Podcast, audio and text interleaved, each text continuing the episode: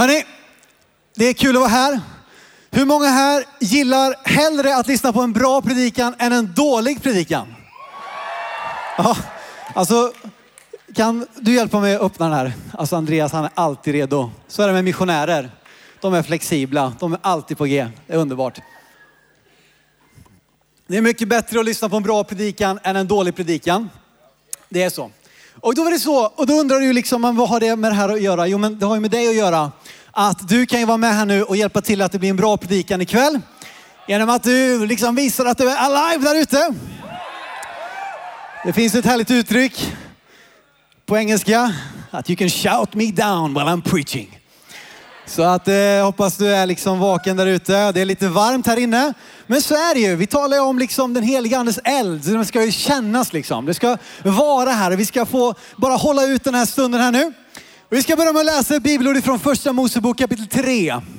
Vi ska börja från början. Ska vi ta oss igenom hela vägen fram till kartboken. Men vi börjar här i första Mosebok kapitel 3. Så som sagt, ju bättre predikan du vill ha så får du vara med och hjälpa till här lite grann. Okej, första Mosebok 3, 8 till 11 står så här. Vi är i Edens lustgård här nu. Somebody. Vid kvällsbrisen hörde de Herren Gud vandra i lustgården. Och mannen och hans hustru gömde sig för Herren Guds ansikte bland lustgårdens träd. Men Herren Gud kallade på mannen och sa till honom, var är du? Han svarade, jag hörde ljudet av dig i lustgården och blev rädd eftersom jag är naken. Därför gömde jag mig. Då sa han, vem har berättat för dig att du är naken? Och det är min rubrik den här predikan. Vem har sagt till dig att du är naken? Alltså fråga dig, har du frågat dig den, den frågan någon gång? Ja, mamma liksom, hon var med när det, när det begav sig. Va? Men vem är det egentligen som har sagt att du är naken? Ja, where are you going with this? Jag vet inte. Ska ta oss någonstans här. Men här var det, Adam och Eva levde i lustgården. De vandrade liksom i, i paradiset, heaven on earth, alltså det bästa Gud hade tänkt för oss människor. Att få leva helt spritt språngande näck. Springa runt, säkert så här tropiskt klimat, perfekt 27 grader hela, hela liksom året om. Man kan vara liksom helt fri. Lös och ledig. Och så springer man runt där, käkar äpplen. Man kan liksom kela lite med lejonen och så vidare. Men så kommer det in någon här och talar in i Adam och Evas liv. De kommer in och lurar dem, för bedrar dem till att göra någonting som inte var Guds vilja. Och de hamnar helt plötsligt i en rädsla inför Gud. De som har tänkt att leva i gemenskap med Gud, helt plötsligt så lever de i rädsla för den guden som har satt dem på den platsen som de har gått tillsammans med sida vid sida. Och helt plötsligt så gömmer de sig för honom. Därför att någon hade sagt till dem, hej, ni är ju nakna. Och det ledde dem in i fruktan. Det ledde dem in i en felaktig sanning, en felaktig bild av sig själva. Och därför är min fråga till dig idag, vem tillåter du liksom diktera sanningen om vem du är? Vems röster låter du säga dig vem du är, om du är naken eller inte? Vem är det som definierar sanningen om dig själv? Du vet att det kan vara sådär att det är lite olika liksom hur mycket man litar på en person. Någon som är trovärdig, ja vi pratade om det på förmiddagen här, liksom det här med trovärdiga källor. Ja men en människa som kanske är utbildad inom ett visst område, då tenderar man att lyssna lite extra på den personen. Men så kan man inse att det var helt fel kanske. Jag, jag har en svärfar, Sixten heter han. Och eh, han är en, en väldigt vis man. Alltså han, han har varit liksom allt. Han har varit han började som byggnadsingenjör och sen så liksom sadlade han om och så han kan latin och han kan så här stenografi, ni vet. Man kan skriva, liksom, han är väldigt duktig på bot, botanik, vad heter det? Liksom gröna grejer och sådär. Sen så läste han om och så jobbade han som gynekolog och sen så blev han kirurg och sen så var han eh, ortoped och blev överläkare som ortoped. Alltså han är ganska påläst kan man säga. Det är en kille man, man går till för att få svar. En kille som man känner att honom litar jag på, eh, typ om det mesta. Eh, och Sen så någon gång längs vägen här, så här liksom lärde jag känna min svärfar, en beläst man som, som inte gör mycket väsen för sig. Han är liksom ganska lågmäld typ. Det är ingen, han säger, skulle aldrig säga det här om sig själv. Men jag kan ju skryta lite om honom där som att, som att det inte är han själv. Men Så lärde jag känna honom, en person man alltid kan lita på, som alltid säger sanningen, som aldrig säger någonting som man liksom inte har tänkt. Och sen någonstans längs vägen så fick han humor. Kan du tänka dig? Alltså någonstans så, så, så börjar han liksom koppla på det här ironin liksom. Och så sitter man där och för ett samtal med Sixten, ni som har sett dem, ni ser det framför er. Liksom. Man sjunker ihop, lägger huvudet lite på sned, glasögonen lite ute på, på liksom nästippen så här. Och så börjar han långsamt ta upp en servett och så börjar han rita upp liksom alla kroppens ben eller någonting. Eh, och så börjar han säga någonting. Och sen så efter ett tag så börjar jag stanna upp. Alltså, är det där ens sant? Och så, eller han, han har lärt sig att skämta. Han har liksom lärt sig vara ironisk. Jag inser att den här mannen som jag alltid har tänkt att jag kan lita på honom i vad han än säger. Här sitter han och, och liksom bara blåser mig fullständigt. Och gör mig, liksom, gör mig till en, make a fool out of me. Alltså, vad är det med alla engelska uttryck som, som, som kommer när man ska prata? Men på grund av hans trovärdighet så köpte jag det även om det var helt fel. Och frågan är när du och jag tillåter någon eller något att formulera sanningen om dig och mig för att det verkar ju vara ganska vettigt. Men tänk om det ändå är fel. Och så formar vi då utifrån det här min sanning. Det är väldigt populärt idag. Det här är min sanning. Det är sant för mig. Eh, och det där har ju liksom nästan suddat ut hela sanningsbegreppet att visst, du får, du får tro vad du vill göra vad du vill, men säg inte att det är sant liksom för alla. Det kan vara sant för dig men inte för mig. Och så skapar vi oss min sanning. Eh, och det är ju någonting med det där. Men nu ska vi snart lyssna på alla sommarpratarna. Ligga i hammocken, kopp kaffe, läsa lösa korsord. Jag pratar om min mamma nu, kommer på. Men ja, det, liksom, jag, jag inser det att som sagt, det var tio år sedan studenten och liksom mina referenser de är inte alltid så up to date. Va? Men hur som helst. Så ligger det där och ska du lyssna på en människa som får helt fria tyglar att berätta sitt liv och tala om sin sanning. Och det är ju så att någonting i ditt liv är ju liksom, det är ju sant för dig. Din upplevelse kan ingen ta ifrån dig. Så som du uppfattade saker och ting. Eh, det, det, kan liksom ingen, det kan ingen ta ifrån dig och säga att det är fel därför att om det, om det är ditt hjärtas djupa eh, liksom, eh, eh tanke men det du måste fråga dig själv att den här sanningen jag har byggt om mig själv, min sanning, är den sann? Alltså, är det sant? Vem har format min sanning? Är det mina föräldrar? Är det andra människors förväntningar eller felaktiga förväntningar? Är det förvridna ideal som har sagt mig att jag är ful? Är det liksom är det alla lärares ständiga liksom, utskällningar och bli utkastade lektioner som har sagt till mig att du, du, du kan inte liksom, studera, du kan ju ingenting. Är det nättroll, någon som skriver till dig på, på Messenger eller någon som, som lägger liksom, taskiga kommentarer åt dig. Är det de som har tillåtit dig själv att forma sanningen om vem du är? Vem har sagt att du är naken? Min, eh, eh, min, vad blir det? Min morfars systers framlidne man. Onkel Kurt. Min mamma är norsk och när jag växte upp så hade vi en tante Judit och en onkel Kurt. Tante Judit lever fortfarande men onkel Kurt är hemma hos Jesus. Han blev 94 år gammal eller någonting sånt där. Fantastisk, rolig man och ju äldre han blev desto oftare fick man höra samma fråga och det var så fantastiskt när Olof Palme var statsminister i Sverige och så vidare. Men han var en underbar man. Han var en, väldigt mycket humor och väldigt mycket glädje. Men en sak som han inte gjorde, det var att sjunga i manskören. Han var aldrig med och sjöng i manskören. Min morfar var det. Han såg upp till manskören. Han följde dem på deras turné. Han hade liksom en skjorta, det var ingen t-shirt, en skjorta med liksom tour dates på ryggen. Manskören den 28 juli, Ålesund, sen Bergen, sen liksom Stavanger. Och så, nej, det var lite överkill, liksom överdrivet här nu. Men i alla fall, han ville sjunga, han älskade manskören. Han ville sjunga i det. I den, men han gjorde aldrig det för att han kunde inte sjunga. Det var i alla fall vad alla trodde. Fram tills en dag min morfar hörde honom sjunga lite sådär, ja men det är som man kan göra, kanske gå och gnola lite grann eller gå och sjunga för sig själv där hemma. Och min morfar inser han, han sjunger bra. Min morfar han liksom var en sån här, han, tog, han sjöng solo och spelade gitarr och så vidare. Eh, och så började han, han kan ju sjunga. Och sen visade det sig att den här onkel Kurt, jag tror vi har en bild på honom faktiskt. Ser ni? Ja, sen är ju faktiskt jag med. Ni får själva gissa vem som är vem. Men onkel Kurt i alla fall. På min kusins bröllop, år 2000, han var, jag tror han var 80 år. Då så, så tog min, eh, min morfar, eller om det var min farbror, upp onkel Kurt för att han skulle sjunga en sång.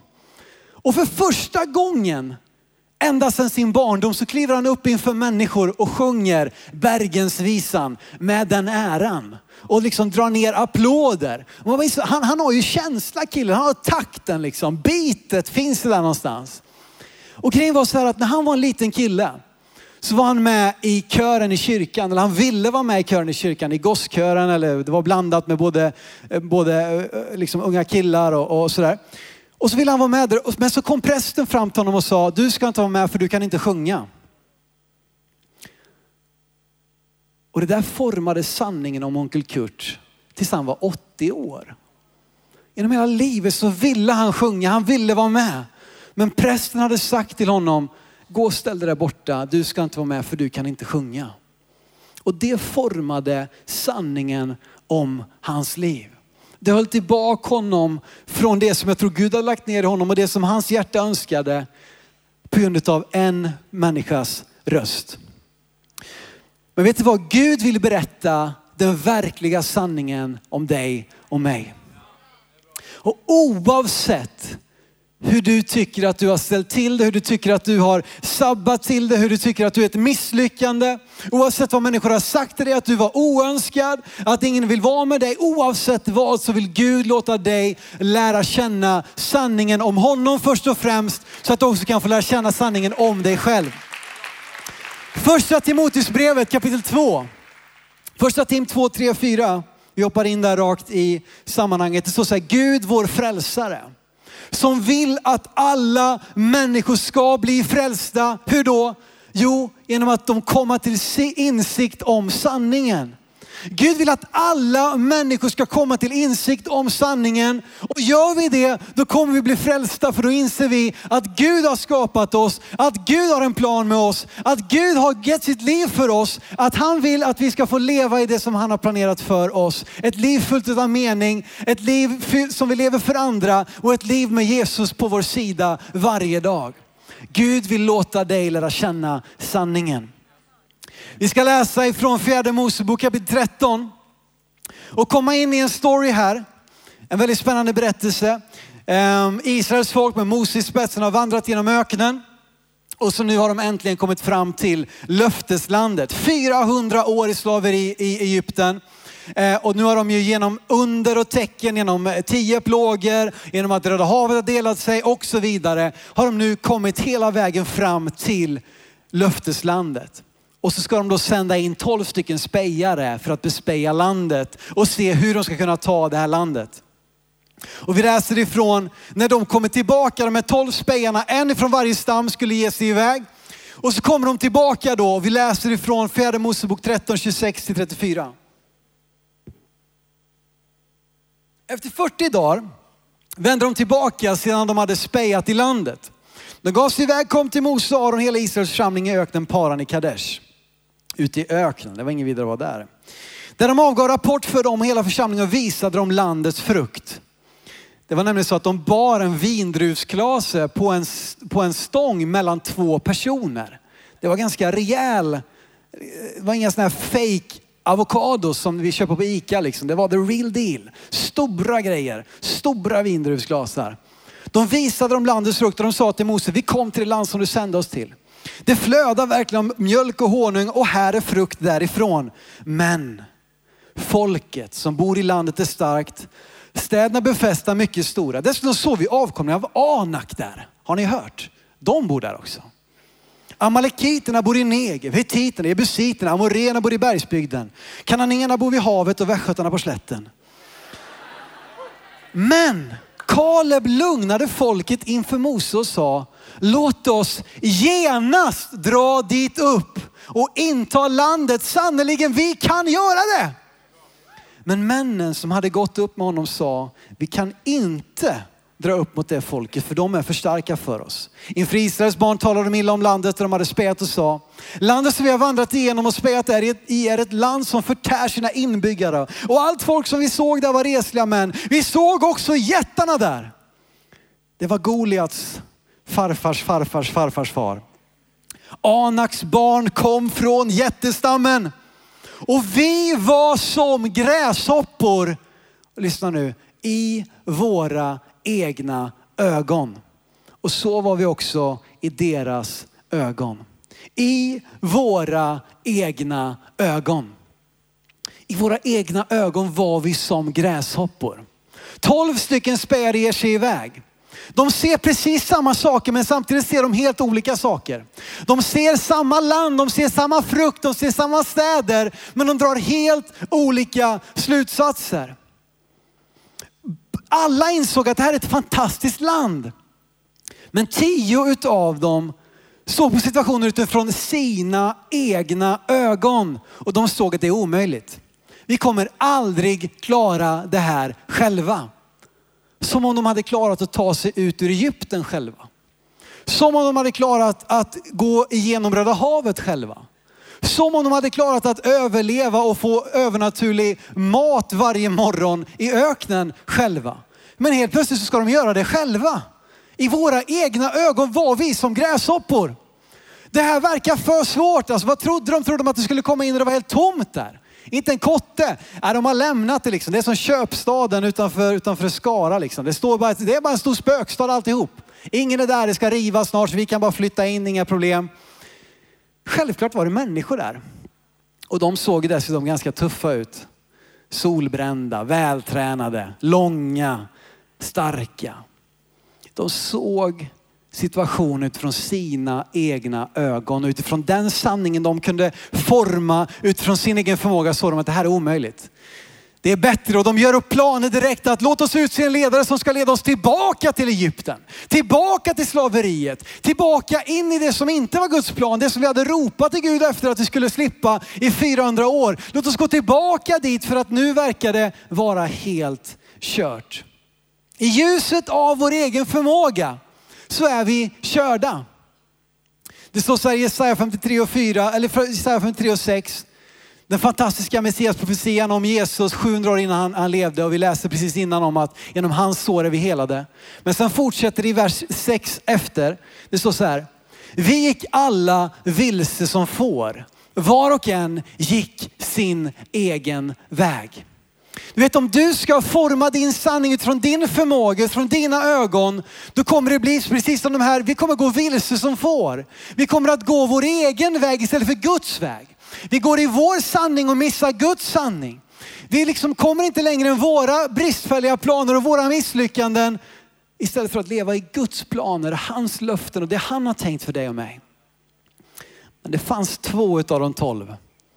Tack Jesus för Kaleb och Josua. Hade det inte varit för dem alltså, vad hade hänt då? Men de såg med Guds ögon. De andra såg i våra egna ögon, men Kaleb och Josua såg i Guds ögon. Fjärde Mosebok kapitel 14, vi hoppar fram lite längre i storyn här från vers 6. Så träder Josua och Kaleb upp och talar. Och det står så här. Och Josua, Nunsson och Kaleb, Jefunnes son, som var med bland de som hade spät i landet, rev sönder sina kläder och sa till hela Israels församling, landet som vi har vandrat igenom och spejat i är ett mycket, mycket gott land. Så långt var de överens. Det var ett gott land, det fanns mycket frukt, det var fint. Om Herren har behag till oss ska han föra oss in i det landet och ge det åt oss. Ett land som flödar av mjölk och honung. Men var inte upproriska mot Herren och var inte rädda för folket i landet. För de ska bli som en munsbit för oss. Deras beskydd har vikit ifrån dem, men Herren är med oss. Var inte rädda för dem. Om Herren har sagt det. Det Herren har sagt är han också mäktig att hålla. Det Gud har sagt, jag vill koppla mitt liv med hans sanning än att leva kvar i den bristfälliga sanning som jag kan forma om mig själv. Och frågan du måste ställa dig själv är, vem har sagt att du är naken? Vem har sagt att du inte kunde? Vem har sagt att det är kört? Vem har sagt till dig att du är ett misslyckande? Är det Gud eller är det människor? Är det du själv? Och även om du upplever det som en sanning måste du fråga dig själv, är det sant? Om Herren har sagt. Kaleb Jesua tar avstamp i vem Gud är. De tar avstamp i vad han har sagt. De låter inte begränsas av sina egna misslyckanden. Utan de kliver in och gör Guds sanning till sin sanning. De kommer ihåg vad Gud redan har gjort. Om han kunde göra det i Egypten så kan han göra det i Kanans land. Om han kunde befria oss där så kan han hjälpa oss att inta här. De stod på Guds löften. De nöjde sig inte med mindre än Guds egen sanning i sina liv. De bestämde sig för att koppla upp med det som var Guds tankar. De förnekar inte verkligheten. Det är en viktig poäng. Vissa kristna vill förneka verkligheten. Säga, jag är inte sjuk. du, liksom, du har ju 42 grader i feber här. Liksom. Du har legat här sängliggande i fyra veckor. Jag är inte sjuk. Ja men du är sjuk. Nej jag är inte sjuk. Ja, det, det är inte liksom, ja men oavsett om du är sjuk så kan Gud göra dig frisk. Det är en helt, helt, annan, helt annan femma. Men de förnekar inte verkligheten. De säger också att landet det, det är fullt av folk som bor där. Det är befästa städer och allting. Men om Gud är med oss. De var övertygade om att Gud är större än det logiska och rationella. Gud är större än det som vi kan ana eller tänka. Han som bor i oss är större än han som bor i världen. Don't tell God you have a big problem. Tell your problem you have a big God. Amen. Säg inte till Gud att du har ett så stort problem. Säg till ditt problem, hej, jag har en stor Gud. Oavsett vad som reser sig upp inför dig, oavsett vad som känns omöjligt, så kan du bestämma dig för att min Gud är större. Jag vill koppla mitt liv med hans sanning. Jag vill leva i det som han har tänkt. Och vet du vad? Oavsett vad människor har kallat dig, oavsett vad människor har gett dig för namn, som sagt att du är oönskad, att du är liksom en, ett misslyckande, eller att du är, du är ful, eller vad, vad en människor har sagt till dig som har format sanningen om dig själv. Så jag är här idag för att säga till dig att Gud vill ge dig ett nytt namn. Gud vill säga vad du egentligen är. Gud vill tala in i ditt liv det som du inte ens ser redan. Abraham, som Gud slöt ett förbund med, som skulle bli stamfadern till hela Israels folk, som skulle bli bärare både av Guds ord, förmedlare av Guds ord och också så småningom av Messias själv, Jesus Kristus. allting började med Abraham. Men problemet var att Abraham hade inga barn. Han var 75 år och hade inga barn. Han gick till ett land, visst Gud ledde honom dit, men fortfarande inga barn. Åren gick, åren gick, åren gick. Han hette Abraham som betyder upphöjd fader. Han var liksom, han var ju fader i sitt hus. Han var den som bestämde. Men fortfarande så hade han inga egna barn. Åren går, 24 år går. Nästan hela mitt liv gick han och väntade på att Gud har sagt att jag ska göra det till ett stort folk. Men hallå, jag har inga egna barn. Visst, han fick fixa till det lite där med Hagar och Ismael föddes och sådär. Det är en annan story. Fortfarande hade inget barn med sin äkta hustru som skulle bli arvtagare. Han blir 99 år gammal Abraham. Och då kommer Gud till honom igen. När Abraham förtvivlar sig. Hur ska det här gå? Det går ju inte, jag har inga barn. Sanningen, visst du kan säga vad du vill men sanningen är att jag har inga barn. Då kommer Gud till honom och säger, Abraham, du ska inte längre heta Abraham, du ska heta Abraham. Som betyder fader till många. Han får Abraham att börja gå runt och presentera sig själv som Abraham. Ja, tjena, jag är fader till många. Ah, tja, vad heter du? Simon? Ah, trevligt, fader till många. Läget? Liksom, ät. fader till många. Hashtag, typ. Han går runt i ett år och säger jag är farlig till många, jag är farlig till många. Han är 99 år. Och ni som inte är så gamla, det är, det är inte allt som funkar riktigt som det ska vid den åldern. Va? Det är mycket som talar emot att han ska kunna få ett barn, men han bestämmer sig för att ta Guds sanning och göra den till sin. Har Gud sagt att jag ska börja kalla mig för fader till många, då ska jag göra det. Och han gör det. Och ett år senare, när han är hundra år gammal, så föds Isak, löftessonen. Gud vill ge dig ett nytt namn. Gud ser det som finns i dig innan du själv ser det. Vi ser också om, Matte, eh, om, om Simon, en av lärjungarna, som blir kallad av Jesus, en av de första, han tillsammans med sin bror Andreas. Och sen läser vi vidare fram i Matteus kapitel 16. När eh, Petrus som den första personen offentligt inför en grupp människor säger att Jesus, du är Messias, den levande Gudens son. Petrus som var en bråkstake, som ställde till det, som, som, som liksom alltid pratade först och tänkte sen och gjorde först, tänkte sen och högg liksom öronen utav folk och allt möjligt traps. Men redan innan allt det här hände, redan innan Petrus hade förnekat, eller Simon då, hade förnekat Jesus så får han ett nytt namn. Matteus 16, vers 17 till 18. Jesus sa till honom, salig är du Simon Jonas son. För det är inte kött och blod som har uppenbarat det för dig, utan min far i himlen. Och jag säger dig, du är Petrus. Och på denna klippa ska jag bygga min församling och helvetets portar ska inte få makt över den. Han får namnet Petrus, klippan. En person man kan lita på. En som Gud, Jesus skulle lämna över ledarskapet till den dagen som han lämnade den här jorden. Men redan efter, även efter det så liksom förnekade Petrus Jesus och gjorde massor olika saker. Men redan innan allt detta så såg Jesus vem Petrus verkligen. Han sa, du är Petrus. Du har kallats Simon Jonasson. Människor har satt en massa olika namn på dig. Men det här är den du är. Vem har sagt att du är naken? Vem har sagt sanningen om vem du är? Jag säger att Gud är här för att han vill vända på, ditt, på din sanning. Han vill låta sin sanning bli också din sanning när vi i tro tar emot det. När vi tro tillåter sanningen att sätta oss fria. I Johannes kapitel 8 så står det, Jesus säger det, det fantastiska bibelstället, Johannes 8, 31, 32. Jesus sa till de judar som hade kommit till tro på honom, om ni förblir i mitt ord. Nyckeln till att behålla det ni får här på Nyhem, även hela sommaren och hösten, det är att förbli i Jesu ord, i Guds ord. Om ni förblir i mitt ord är ni verkligen mina lärjungar. Ni ska lära känna sanningen. Och sanningen ska göra er fria. Vet jag blir så arg när jag ser en ung generation som är bundna, som sitter fast i felaktig självbild, som sitter fast i lögnaktiga ideal, som sitter fast i en massa lögner, som jagar efter någonting som, som inte är sant. Vet du vad? Jesus är här för att säga dig sanningen och den sanningen ska göra dig fri.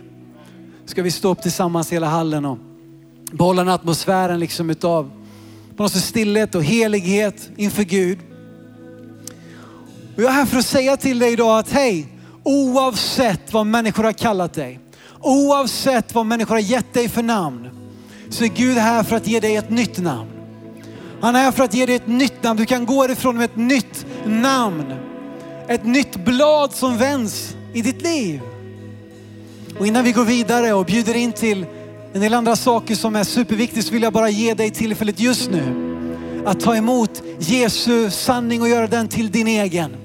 Att ta emot Jesus i ditt liv och säga, jag vill inte längre leva på vad alla andra har sagt. Jag vill inte längre leva i mina misslyckanden. Jag vill inte vara begränsad till det. Jag vill ta emot Guds sanning i mitt liv. Jag vill säga mitt ja till Jesus den här kvällen. Jag vill att Gud ska ge mig ett nytt namn. Och du också kanske är kristen redan. Men som är bunden utav en massa negativa saker. Du är bunden utav misslyckande, du är bunden utav en dålig självbild. Och Jesus vill sätta dig fri. Så om du är här idag så säger Jesus, jag vill göra din sanning till min sanning. Om du är här idag så säger att Gud, jag behöver att du ger mig ett nytt namn. Jag behöver att du talar om för mig vem jag verkligen är. Jag vill tro på dig. Jag vill ta emot dig. Jag vill ta emot din sanning och den sanningen ska göra mig fri. Om du känner igen dig något av detta så kommer jag alldeles strax att be dig att lyfta din hand där du står. Som ett tecken inför Gud att du vill ta emot Jesus Kristus. Att du vill ta emot hans sanning i ditt liv. Så jag kommer räkna till tre och när jag kommer till tre så vart du än är så bara kan du lyfta din hand. Ta emot Guds sanning. Ta emot Guds förlåtelse och ta emot frihet i namnet Jesus. Så över hela hallen just nu, om du är här, så gör din hand redo. Ett, två, tre. Bara lyft din hand där du står. Gud välsigne dig. Lyft din hand där du finns, på läktaren. Hela vägen fram, hela vägen bak. Om du säger just nu, Jesus jag behöver ta emot din sanning i mitt liv. Är det någon mer så bara lyft din hand där du finns så ska vi be tillsammans i namnet Jesus. Amen. Ska du ta ner din hand och så bara formar vi en bön när vi ska fortsätta lovsjunga Gud tillsammans.